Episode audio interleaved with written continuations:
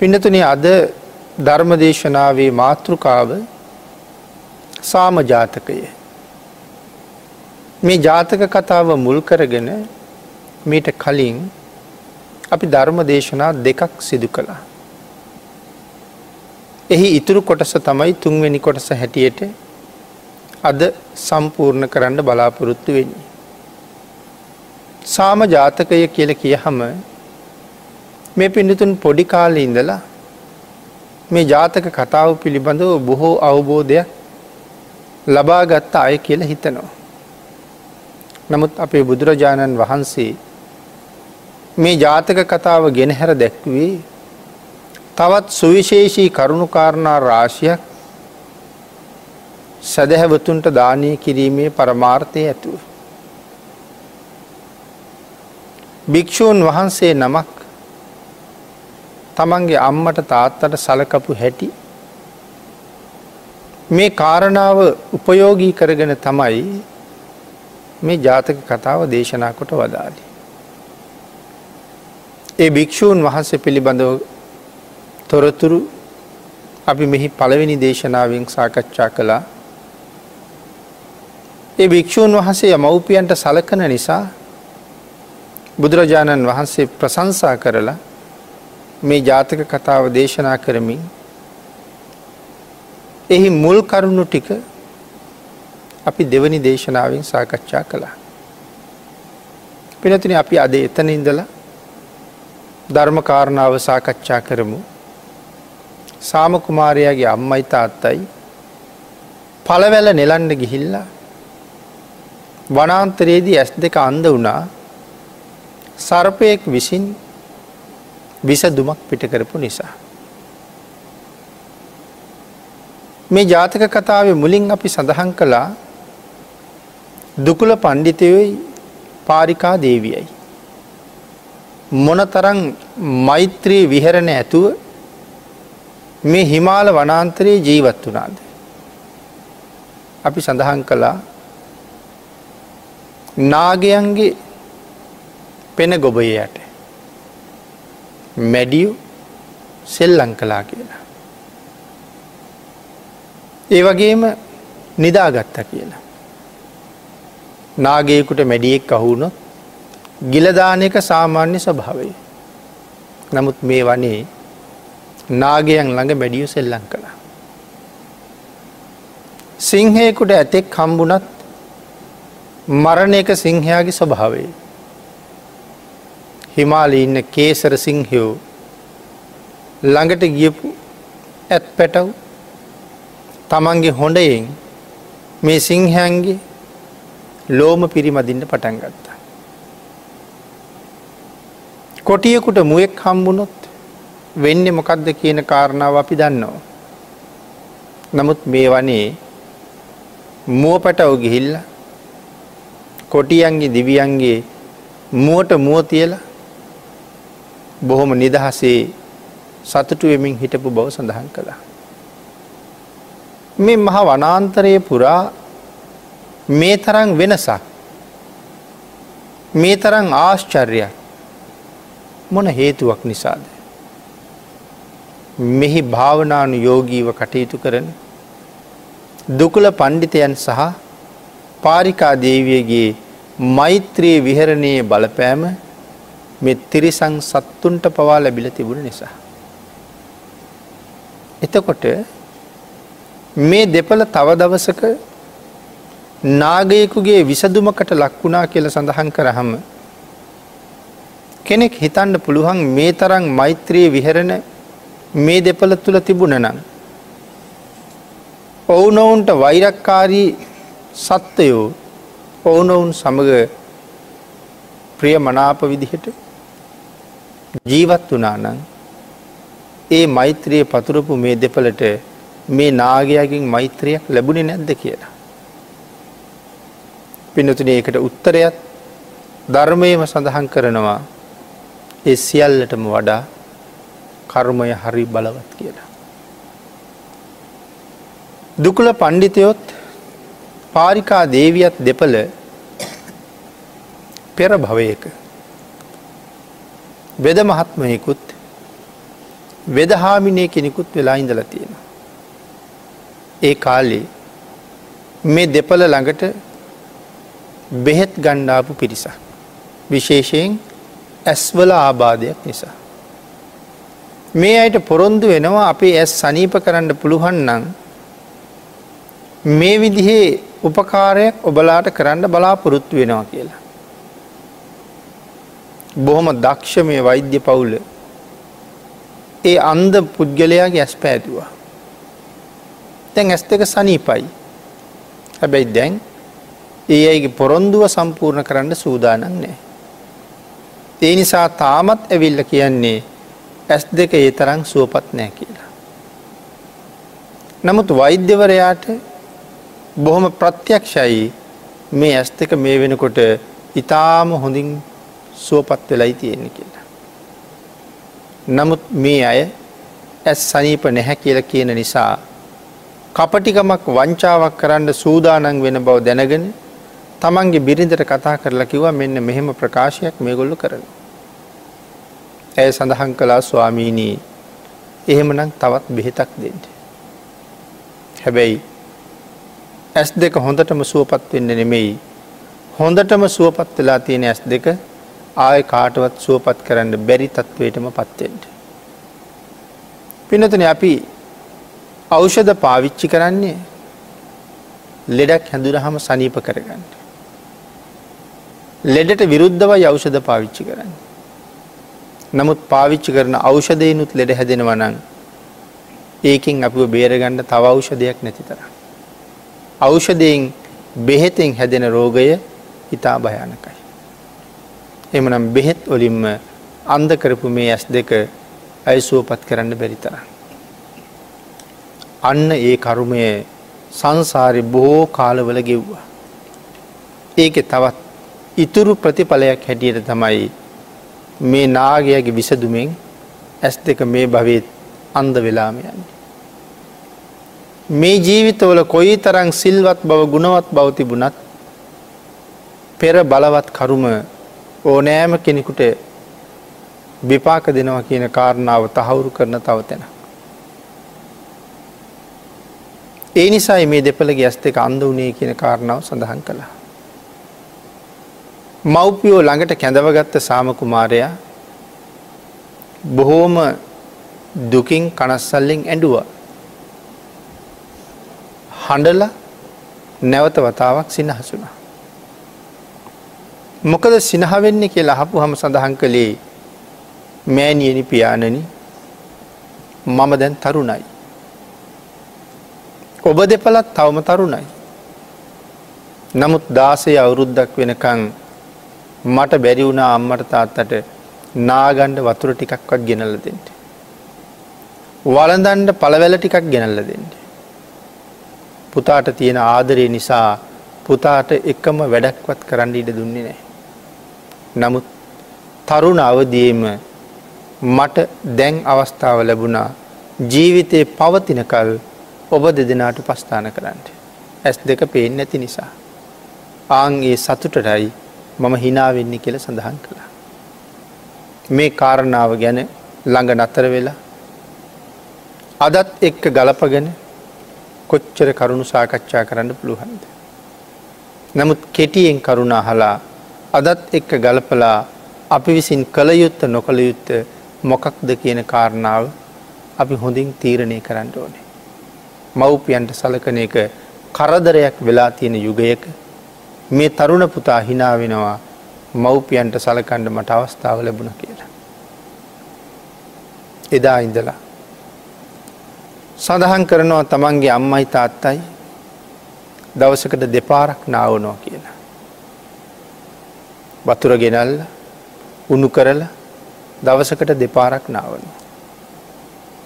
දවසකට තුන්වතාවක් කෑම දෙනවා.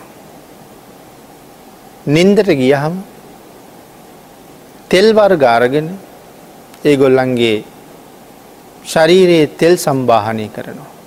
නිරෝගි බෞ් දෙසා.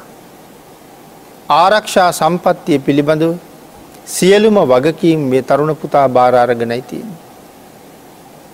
දවස උදා වෙනවත් එක්කම මව්පියන්ට මුවදෝවනය කරන පැන්තියලා වලදන්ඩ දැහැටි ගෙනල්ල තියලා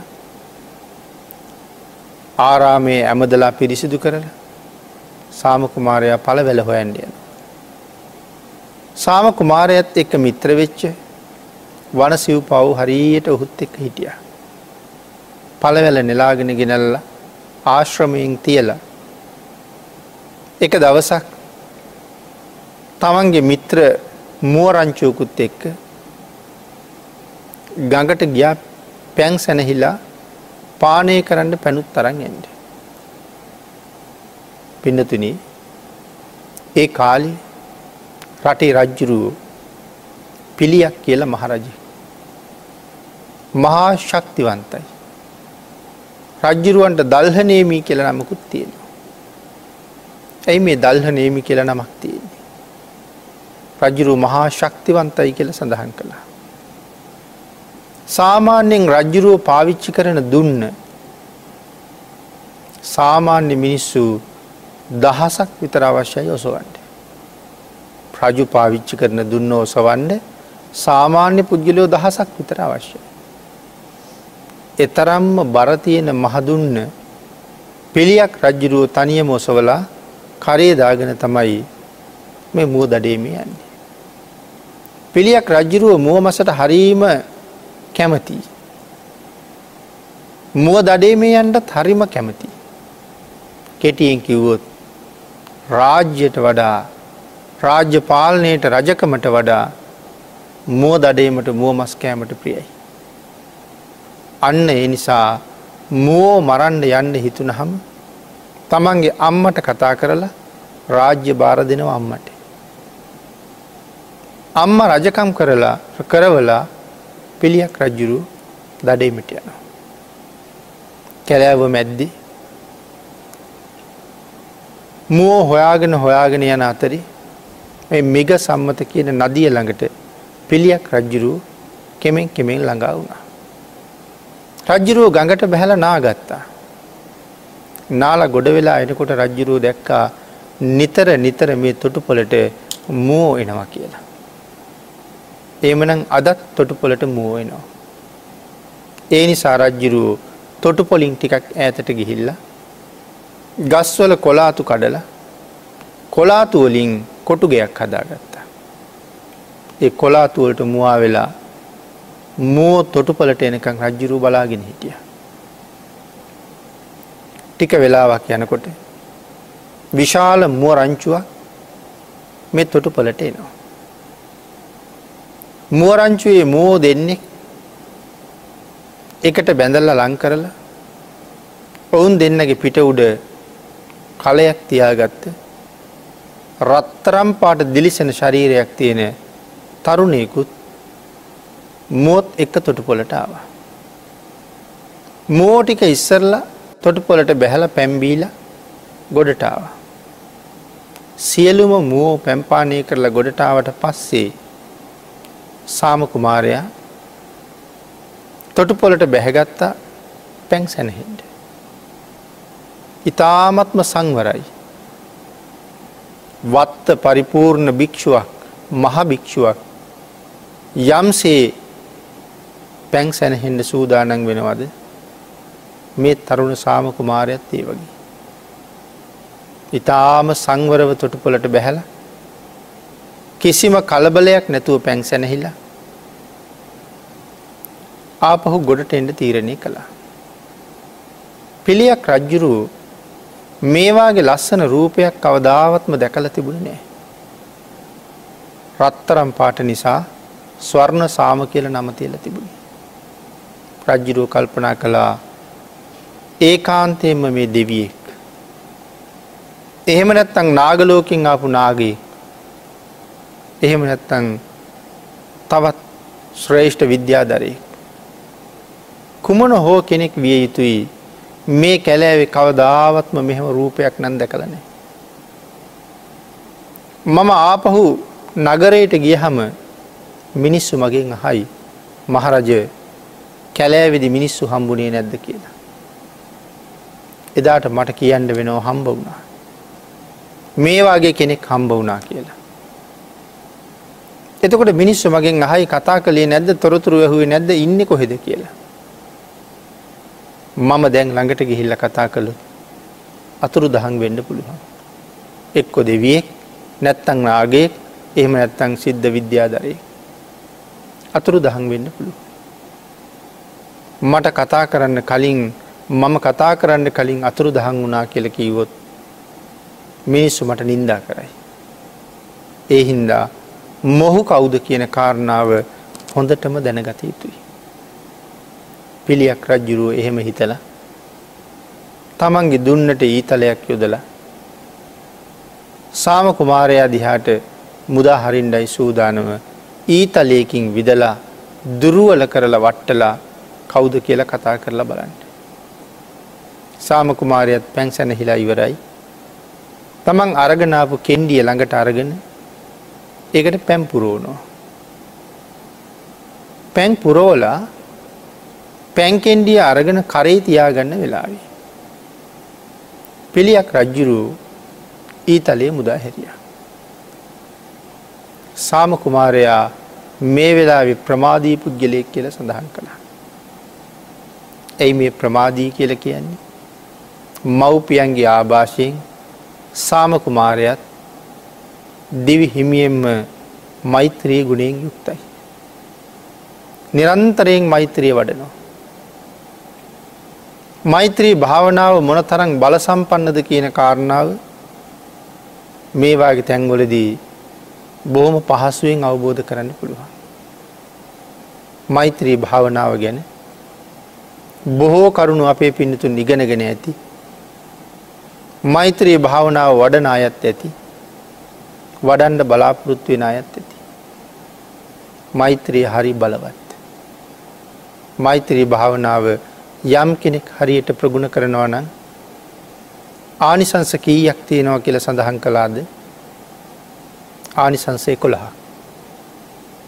ඒ ආනිසංසය කොළහෙන් ආනිසංස දහයක් මේ ජීවිතයම විපාක දෙනවා. මැරෙන්ඩ කලින් මේ ජීවිතයම විපාක දෙනවා. මැරුණට පස්සෙ ලැබෙන ආනිසංස තියෙන්නේ එකයි. එනම් මොන තරං මේ භාවනාව ප්‍රායෝගික කරගත්තොත් අපිට ලාභයක් ලැබෙනවද. අපිට සුවයක් පහසුවක් ලැබෙනවද. ආනිසන්සේ කොළහෙන් දහයක් මෙලොවට එකක් පරලෝට. මොකදද පරලෝට තියෙන ආනිසන්සේ. ඉතා සිහි මුලාවෙන්නේ නැතු සිහියෙන් ප්‍රඥාවෙන් කළුරිය කළොත් ඒත් සමගම බඹලොව උපද්දවන්ඩ තරන් මේ භාවනාවේ ආනිසංසය ප්‍රබලයි කියල සඳහන් කරන. සිහි මුලා නොවී මරණයට පත්වනොත් බඹලුවපදිනවා. ඉතුරු ආනිසංස දහයිම මෙලවට. නමුත් ඒ ආනිසංස දහය මොනවද කියන කාරණාව මෙතන සාකච්ඡා කරන්න බලාපොරොත්තු වෙන්නේ නැහැ. යම් කෙනෙක් තුළ මෛත්‍රී විහරණ තියෙනවනං හැම වෙලාවෙම ඔහු ආරක්ෂාකාරී. මේ මෛත්‍රය කියන්නේ හරියට සන්නාහයක් වගේ කියල සඳහන් කරන. මොකදද සන්නාහය කියල කියන්නේ. යුද්ධට යනකොට රජවරු ඇඳගත්ත ලෝහමය ඇඳුමක් තියෙනවා. ඊතල් කඩු පහරවල් හෙළි පහරවල් වලින් ආරක්ෂාවීම සඳහා. එතකොට මෛත්‍රියත් මේ සන්නාහයවාගේ. පින්නතින යුද්ධට යනකොට සන්නාහය ඇඳල හිටියොත් හෙල්ලෙන් පාරක් ඇන්නොත් ශරීරයට හානි නොවී බේරෙන්න්න පුළුවන් ඇයි සන්නාහය තිබුණ නිසා. සන්නාහය නැති වෙලාවට ඇන්නු ඒ කාන්තයම ජීවිතයට හානිවෙන්න පුළුව. මෛත්‍රී භාවනාවත් එහෙමයි. අපි මෛත්‍රයේ විහරණ ඇතිතාක් කල් අපිට රැකවරණයක් තියෙනවා. මෛත්‍රී විහරණය නැතිවෙච්ච ගමම්ම එදාටත් ඒ රැකවරණය තියෙනවා කියන කාරණාවක් සඳහන් කරන්නේ සඳහන් කරන්නේ නෑ. දේහින්ද මෙහි යානිසංස දැනගත්ත හම එහෙම තන්හාාවක් ඇති නොවෙන්ඩ ඕන. අපිට රැකවරණයක් තියෙන්නේ මෛත්‍රී සිත තියෙනතාකල් විතරයි. එයින් මිදුන හම හරියට සන්නාහය ගැලෙව්වවගේ. අන්න ඒ නිසයි සඳහන් කළේ සාම කුමාරයා මෙතන මදක් ප්‍රමාදී කියලා. මදක් ප්‍රමාදී කියල කියන්නේ කලයට කෙන්ඩියට පැම්පුරෝලා ඔසවලා කරමත තබාගන්න මොහොද්දේ මෛත්‍රී හැඟීම තිබුණ නෑ කියලා. මෛත්‍රී මෙනෙහි කිරීම තිබුණ නෑ කියලා. ඒ වෙලා තමයි පිළියක් රජ්ජුරුව ඊතලය මුදාහරින්. වම් ඇලෙෙන් ඇනුන ඊතලේ ශරීරයේ සිදුරු කරගෙන ශරීරයේ තුළින් ගමන් කරලා දකුණු වෙලින් පිට වෙලා බිම ඇනිලා සැඟවිලාම ගියා. සාමාන්‍ය පුද්ගලයෝ දහසක් දෙන ආදින දුන්න. තනියම පාවිච්චි කරන පිළියක් රජ්ජුරුවෝ මේ දුන්නෙන් තමන්ගේ ශක්තිය යොදලා මුදාහරින ඊතලේ කොයි තරං වේගවත්ද කියන කාරණාව විස්තර කරන්න තේරෙන්නේ. ඒ නිසා මේ පසින් ඇනිලා දකුණු පසින් පිට වෙලා මහපොලෝට වැටිලා නොපෙනී ගිය. සාමකුමාරයට දැනුනේ පුදුම වේදනාවක්. සාමකුමාරයට කවුරු හරි පහරදුන් බව දැනගත්තේ. මෝරෑන බයි පලාගිය.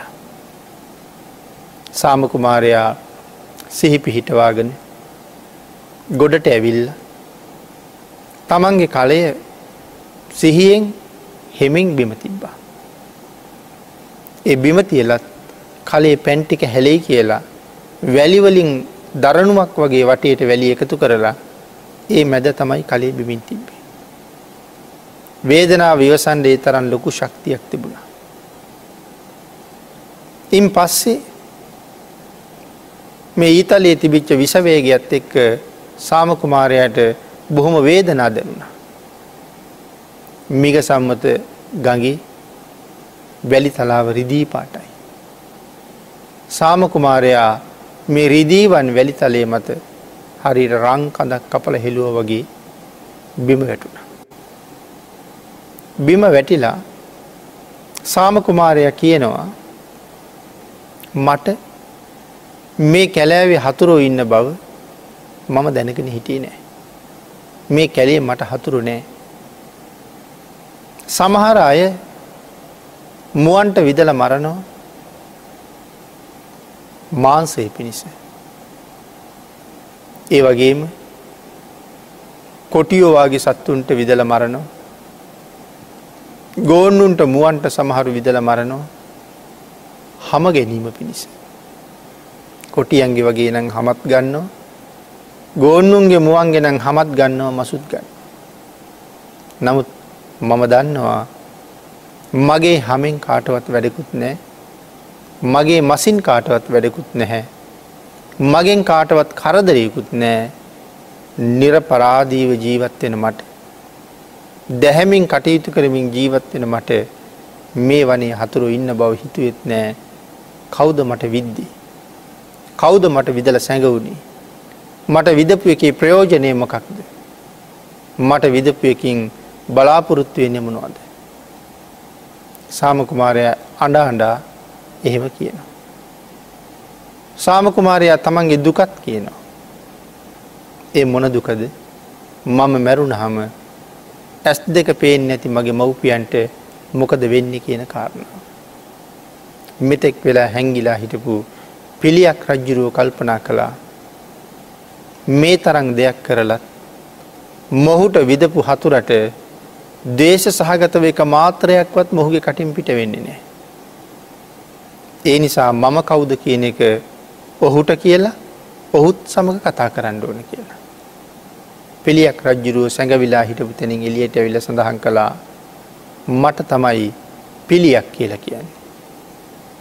මම මේ රටේ රජ්ජුරු මට දල්හනීමී කියලා නමකුත් තියෙනවා.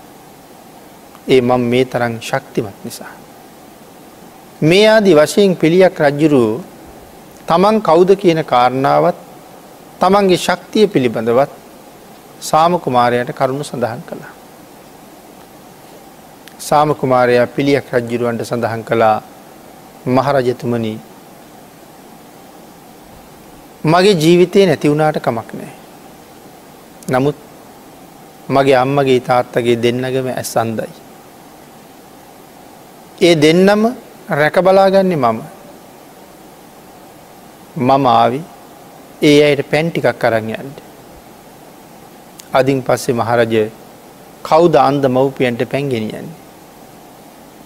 ජලයෙන් ගොඩට දාපු මත්ස්යෝ ජලය නැතුව වේලිලා යනවා වගේ පැම්පොදක් හොයාගණ්ඩ බැරි මව්පියෝ වේලිලා යන බව සත්‍යයයි.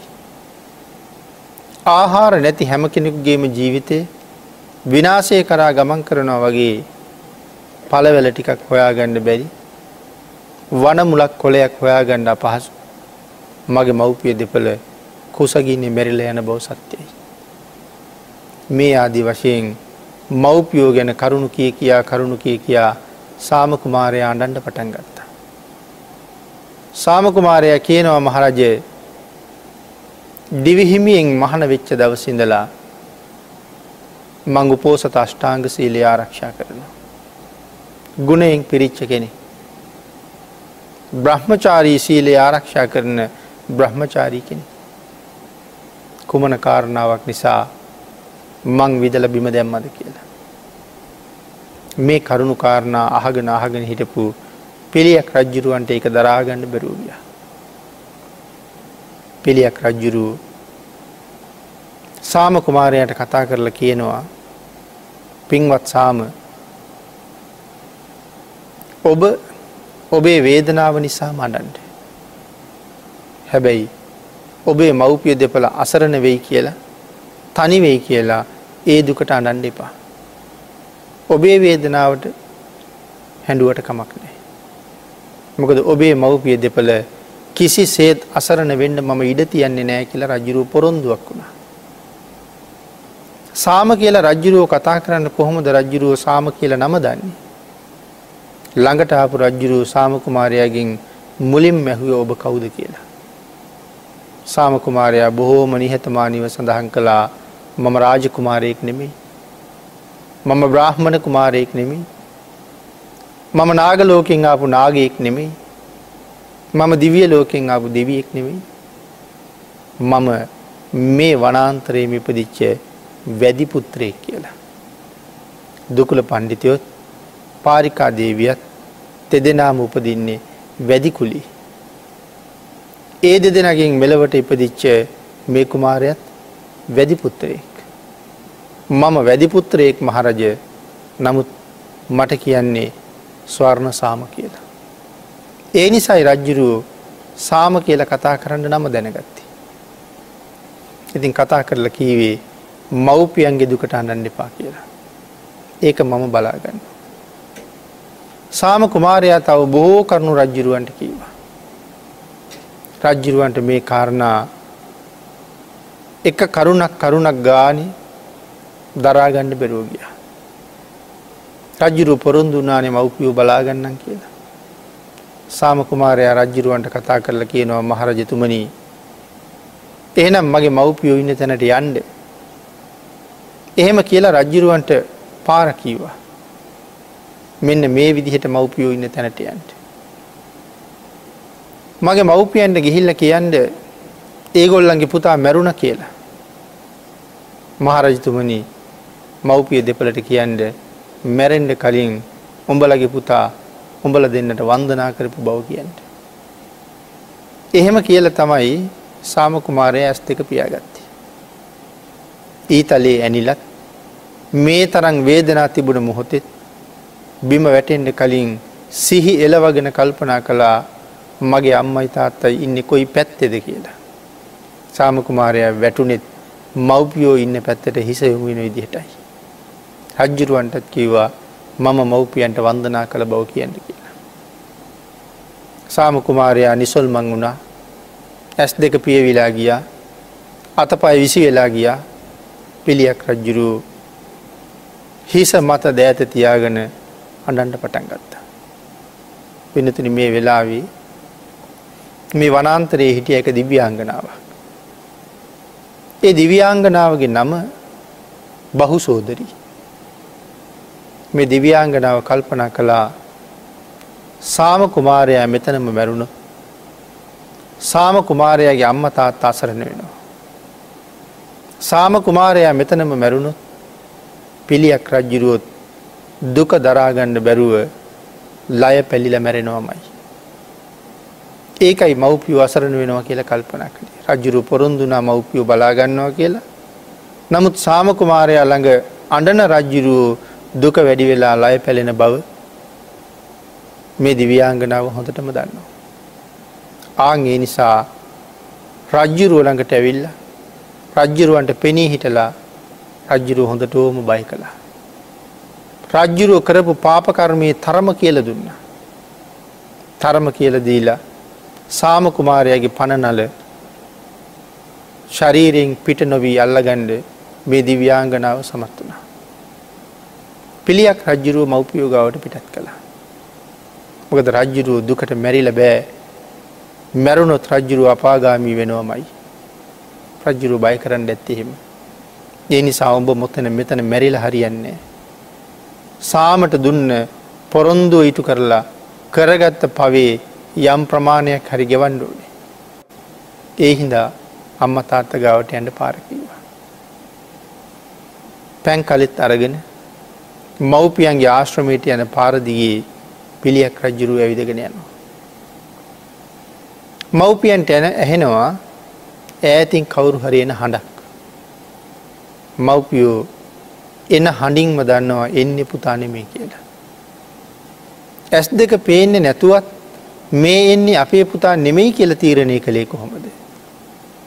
පිනතුනේ සාම කුමාරයා ආශ්‍රමයට එනකං පාදයක් ඔසෝලා පාදයක් තබන හඬවත් කාටවත් ඇහෙන්නේ. එ තරම්ම සංසුන් නිමිච්ච ගමනක් තිබුණි. එහෙම ගමනක් පිළියක් රජ්ජුරුවන්ට නෑ. ඒ නිසා රජු වෙන හඬ හොඳට ඇහෙන නිසයි දන්නේ එන්න පුතා නෙමී කියලා. ආශ්‍රමය දොර ළඟට මාවහම මව්පියෝහනුව කවුද කියලා.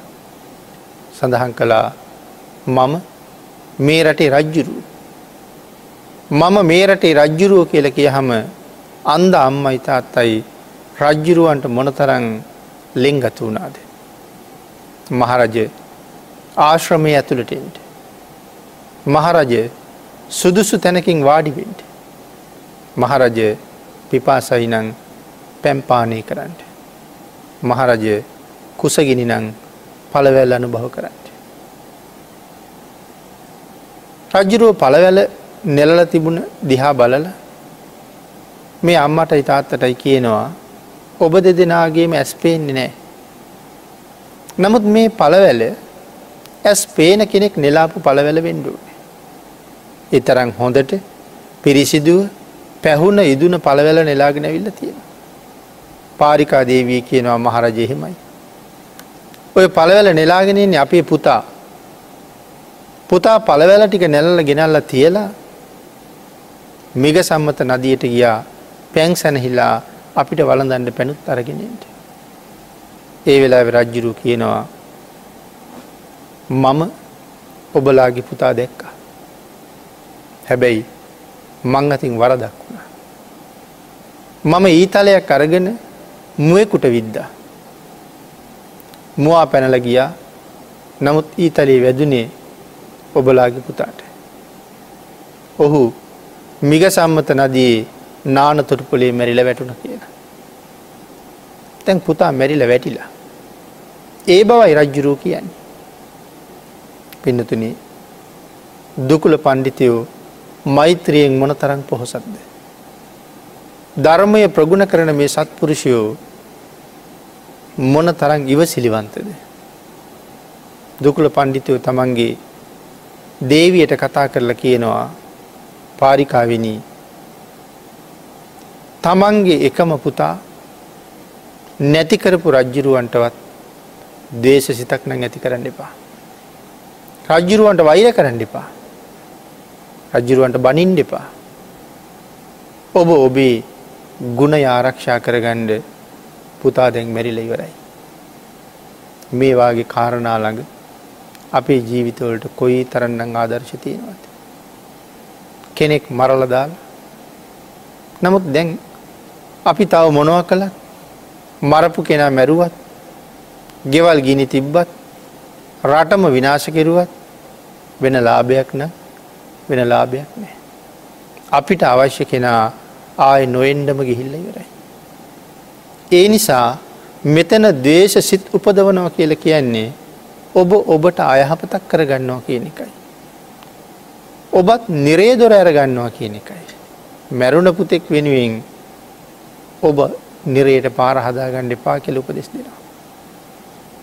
රජ්ජුරුවන්ට කතා කරලා රජ්ජුරුවන්ට කරුණු කියනවා මේ තරම් නිර්දෝෂී අපි පුතා. පිනතින රජ්ජුරුව මේ වෙලාවේ සාම කුමාරයටත් ඇත්තයි බොරුයි දෙකම මිශ්‍ර කරලා කියලා තිබ්බා. සාම කුමාරය ඇහුව ඇයි මට විද්‍ය කියලා. සඳහන් කළ ඔබට විද්දනෑ. රජ්ජුරු විද්‍යම සාම කුමාරයට අඩ පණ කරලා කවුද කියලා අහගන්ඩ. නමුත් පස්සෙ කියන්නේ මම මුවදඩේම ආපු වෙලාවේ මුවෙක් ආවා. ඒ මුවා ඔබ දැකල බය වුණා. මුවාට විදපු ඊතලේ ඔබට වැදෙන කියලා. හැබැයි සාමකුමාරය කියල තිබ්බ මහරජය මේ කැලෑවේ මට බය වුණ සතෙක් ඉන්නවා කියලක යොත් ඒක මුසාවක්මයි. මේ කෙලේ කිසි සතෙක් මට බයනෑ කියලා. මව්පියොත් දන්නවා වැරදීමකින් විදින්න හැ ඒනම් පුතාටම විදිින්ට ඕනේ. පිළියක් රජ්ජුරුව කියනවා මව්පියනී පුතා නැති වුණාට පුතා යම් දෙයක් ඔබල වෙනුවෙන් කලානං ඒ සියලුම දේවල් ඔබල වෙනුවෙන් කරන්න පොරොන්දු වෙලයි මං මෙතෙන්ටාව. මං මේ රටේ මහරජ්ජුරු නමුත් අදින් පස්සේ ඔබ දෙපළගේ සේවකයක් කම්කරුව හැටියට මාව සලකන්න කියලා. මේ වෙලා විදුකුල පණ්ඩිතය කියනවා මහරජය පැවිද්දෝ වෙච්චාපිට ඒක නොගැලපෙන දෙයක්. රටේ රජ්ජුරු කම්කරුවෙක් හැටියට සලකණ්ඩ නං කොහොමුවත් අපි සූදානන්නේ. මේ අයගේ මේ වචන ගැන රජ්ජුරුවන්ට පුදුමයෙන් පුදුමයි. දුකුල පණ්ඩිතයෝ කියනවා මහරජ ඔබ කම්කරුවෙක් හැටියට අපි සලකන්නේ පුළුහන්නන් මැරුණ පුතාළඟට අපිත් තරගයන්ට. අපි දෙදෙනත් පුතත් සමග එතනම මැරිල යන්න. ඒකට අපි කැමතියි කියලා. නමුත් රජ්ජුරුව කල්පනා කළා මේ ගොල්ලන්ගේ පුතත්. ඉපදිච්ච දවසිඳලාද වෙනකම්ම බ්‍රහ්මචාරී. මේ අම්ම තාත දෙන්නත් බ්‍රහ්මචාරී ජීවිත ගත කරන්න. මේ ගොල්ලන්ගේ තියෙන අසීමාන්තික ගුණය දැක්ක හම ඒක සාමාන්‍ය කෙනෙකුට හිතා ගණ්ඩුවත් බේ. මේවාගේ සිල්වත් ගුණවත් බ්‍රහ්මචාරීන් තුන් දෙනෙක් මැරිලගියොත්. කාට උපස්ථාන කරලද මං කරගත්ත පව යම් පමණකට හරිගෙවාගන්න. එහින්ද රජ්ජුරු ආයත් බයවෙනවා. ආං ඒ බය නිසා මව්පියෝ පුතාළඟට එක්ක නොයන්ඩ රජ්ජුරු උපායක් කල්පනා කරන. කල්පනා කරලා කියනවා දැන් බොහෝ රෑබු ප්‍රාත්‍රිය උදා වෙලයිතිය. මේ කැලෑවේ ඉතා භයානක සත්තු කොටි වලස්සු අලි ඇත්තු ඕන තරන් ඉන්නවා. භයානක සර්පයොත් ඉන්න. ඒ නිසා මේ වෙලාව යන්න පුළුවන් කමක් නෑ. රජ්ජිරු සඳහන් කරනවා මගද උපද්‍රව ඇති වෙන්න පුළුව. මේ වෙලා විදුකුල පණ්ඩිතය කියනවා මහරජය මේ කැලේ කොච්චර සත්තු දැක්කත්. මොන සතා දැක්කත් මෙතෙක් අපිට බයක් ඉපදිලා නෑ. මොකද ඒ කාගෙන්වත් අපට කරදරයක් නන්නේ. රජ්ජුරු ආයිත් කියනවා ඔබ දෙපලත් මැරුණුත් ඒක මොන තරං සෝචනීයද. හිරුත් ගිලි ලගිහිල්ල සඳුත් ගිලි ලගිහිල්ල මහපොළොවත් කැලඹිලා තියෙන මොහොත. ඒ නිසා ටිකක් ඉවසමු කියලා. නමුත් මව්පියන්ගේ දැඩි ඉල්ලීම නිසා ඒ දෙදෙනගේම හැරමිටිය අල්ලගෙන සාමකුමාරයා වැටිල හිටපු තැනට එක්ක ගිය. රජ්ජිරුවන්ට කීවේ ජීවිත කාලෙන් අපිට බැල මෙහෙවරකං කරන්න එපා කරනවනං එකම උපකාරයයි අපි දෙන්න පුතාගාවට ගෙනියන්ට. පිළියක් රජ්ජුරු සාමකුමාරයාළඟට මව්පිය අරගෙන ගිහිල්ල. වැලි තලාවේ සාමකුමාරයා වැටිල හිටපු තැනින් අන්ද මව්පියන්ට සඳහන් කළා මෙන්න මේ වැටිල ඉන්න පුතා කියලා. අම්මයි තාත්තයි ළඟින් ඉඳගත්තා. අම්ම මේ වෙලා පුතාගේ පාද දෙක තමන්ගේ උකුලට අරගත්ත. හරියට නිකං අවීචි මහනිරේ මොන තරං දාහයක් තියෙනවද පුතාගේ ගත අතගානකොට මවට දැනුනේ ඒ තරං දුක් ගින්දර. ඒ නිසා පාද දෙක අතගාමින් පපුුව දක්වා මතගාගෙන ගිය. පපු ප්‍රදේශයේ දක්වා මතගග අඩාන්ඩ යනකොට අම්මට තේරුණා තවම පුතාගේ පපුයේ උණුසුම රැඳිල තියෙනවා කියලා. මේ සිල්වත් ගුණවත් අම්ම තේරුම් ගත්තා තාමත් අපේ පුතා මැරිලනං නෑ කියලා. රජ්ජුරුව විදපු ඊතලයේ තියෙන විසවේගේ නිසා සිහිමූර්ජා වෙලයින්න. මේ වෙලා සාම කුමාරයාගේ තාත්තත් පුතාගේ හිස අරගෙන තමන්ගේ උකුලි තියාගෙනයි හිටිය. සාම කුමාරයාගේ මව සත්‍ය ක්‍රියාවක් කළා. දිවිහිමියෙන් ජීවිතයේ අපි බ්‍රහ්මචාරී. මේසා දීර්ඝ කාලයක් ආරක්ෂා කරපු බ්‍රහ්මචාරී සීලයේ සත්‍යයි. අපි විසින් ආරක්ෂා කරන උතුම් සිල්වල ගුණේ සත්‍යයි. කිසි කෙනෙකුට කරදරයක් උපද්‍රවයක් නැතුව ජීවත් වන බව සත්‍යයි. අපි විතරක් නෙමෙයි අපේ පුතත්. මනාව පන්සිල් ආරක්ෂා කළා පැවිදිුණාට පස්සේ අෂ්ටාංග උපෝසත සීලයේ දිවිහිමියෙන් ආරක්ෂා කරපු බව සත්‍යයි. මේ සත්‍යානු භව බලයෙන් මගේ පුතා සුවපත් වේවා කියල සත්‍ය ක්‍රියාවක් කළා. ඒ සත්‍ය ක්‍රියාව අවසානී සාමකුමාරයා හැරිල හිටපු ඇලෙන් අනි පැත්තට හැරුණ. සාමකුමාරයාගේ තාත්තත් සත්‍ය ක්‍රියාවක් කළා දුකුල පණ්ඩිතයන්ගේ සත්‍ය ක්‍රියාවෙන් සාමකුමාරයා නැවතවතාවක් අනික් කැලේට හැරුණ. බහු සෝදරී දිව්‍යාංගනාව තවමත් ළඟ ඉන්නවා. මේ දිව්‍යාංගනාවත් සත්‍ය ක්‍රියාවක් කළා ඇස් දෙක නොපෙනෙන අම්මගේ තාත්තගේ ඇස් දෙක සුවපත්වේවා. මව්පියන්ට සලකන සීලයෙන් ගුණයෙන් මෛත්‍රයෙන් පොහොසත් වන සාමකුමාරයත් සුවපත්වේවා. ගන්දර් මාදන පර්වතයේ මේ පර්වතයේ තියෙන හැම ගහක්ම සුවඳයි. ඒ සුවඳ සත්‍යයි මේ ගොල්ලන්ගේ සිල් ගුණයත් ඒ වගේම සත්‍යයි. ඒ සත්‍යානු භව බලයෙන් මේ අය සුවපත් වේවා ඇය ආශිරවාද කරලා ඉවර වෙනකොට යන්තන් අරුණෝත් ගමනය පෙනිලා හිරු නැවත වතාවක් ලෝකයේ දිහා බලන්ඩ උදාවිමින් පවතිනවා. හිරු උදා වෙනවා. සාමකුමාරයාගේ අම්මගේ තාත්තගේ ඇස් දෙක නැවත සුවපත් වෙනවා සාමකුමාරයත් නැගිටලා ඉඳ ගන්නවා.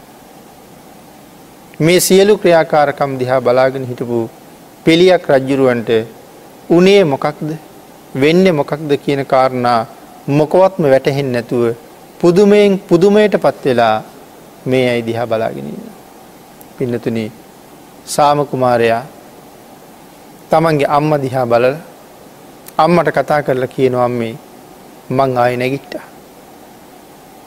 මට එක වතාවක් වෙනද වගේම ආදරෙන් පුතේ කියල කතා කරන්න කියලා. අම්ම කතා කරහම සාමකුමාරයා වටපිට බලන්නකොටයි දැක්කේ පිළියක් රජ්ජිරූ වෙන්න මොනවද කියන කාරණාව තේරුම් ගණ්ඩ බැරුව මේ අයි දිහා බලාගෙනඉන්න බව. පිළියක් රජ්ජුරුව බලාගෙනින්ද ලහනවා පින්වත් සාම මැරිච්ච ඔබට පණ ලැබුණි කොහොමද කියලා.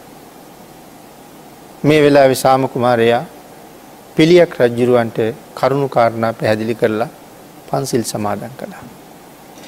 පන්සිල් සමාදන් කරලා දසරාජ ධර්මය ගැන බණක් කීවා.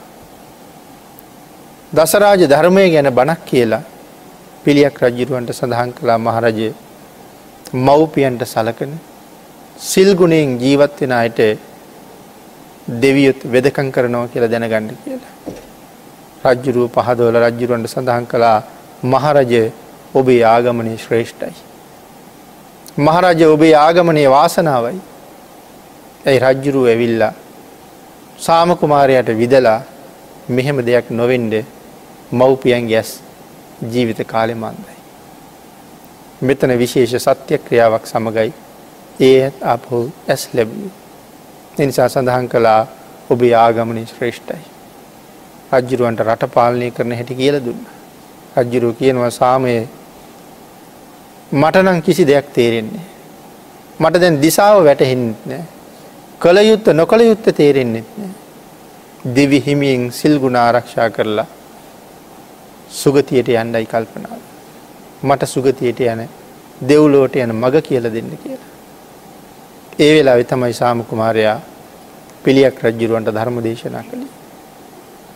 අපේ බුදුරජාණන් වහන්සේ මේ ධර්මකාරණාව මේ විදිහට දිගින්දිකට පැහැදිලි කරන්නේ අම්මට තාත්තට සලකපු භික්‍ෂූන් වහන්සේ නම කරමුණු කරගෙන. මේ ධර්මකාරණාව තව ටිකක් සාකච්ඡා කරන්න ඇතත් ධර්ම දේශනාවට තියෙන කාලී නිමා වෙලා නිසා සාම ජාතකය මුල් කරගෙන සිදු කරන තුන්වෙනි ධර්ම දේශනාව අපි මෙතනින් නිමා කරලා ඊළඟ ධර්ම දේශනාවින් ඉතුරු කාරණා ටික සාකච්ඡා කරලා ධර්ම කාරණාවත් එක ගලපමු.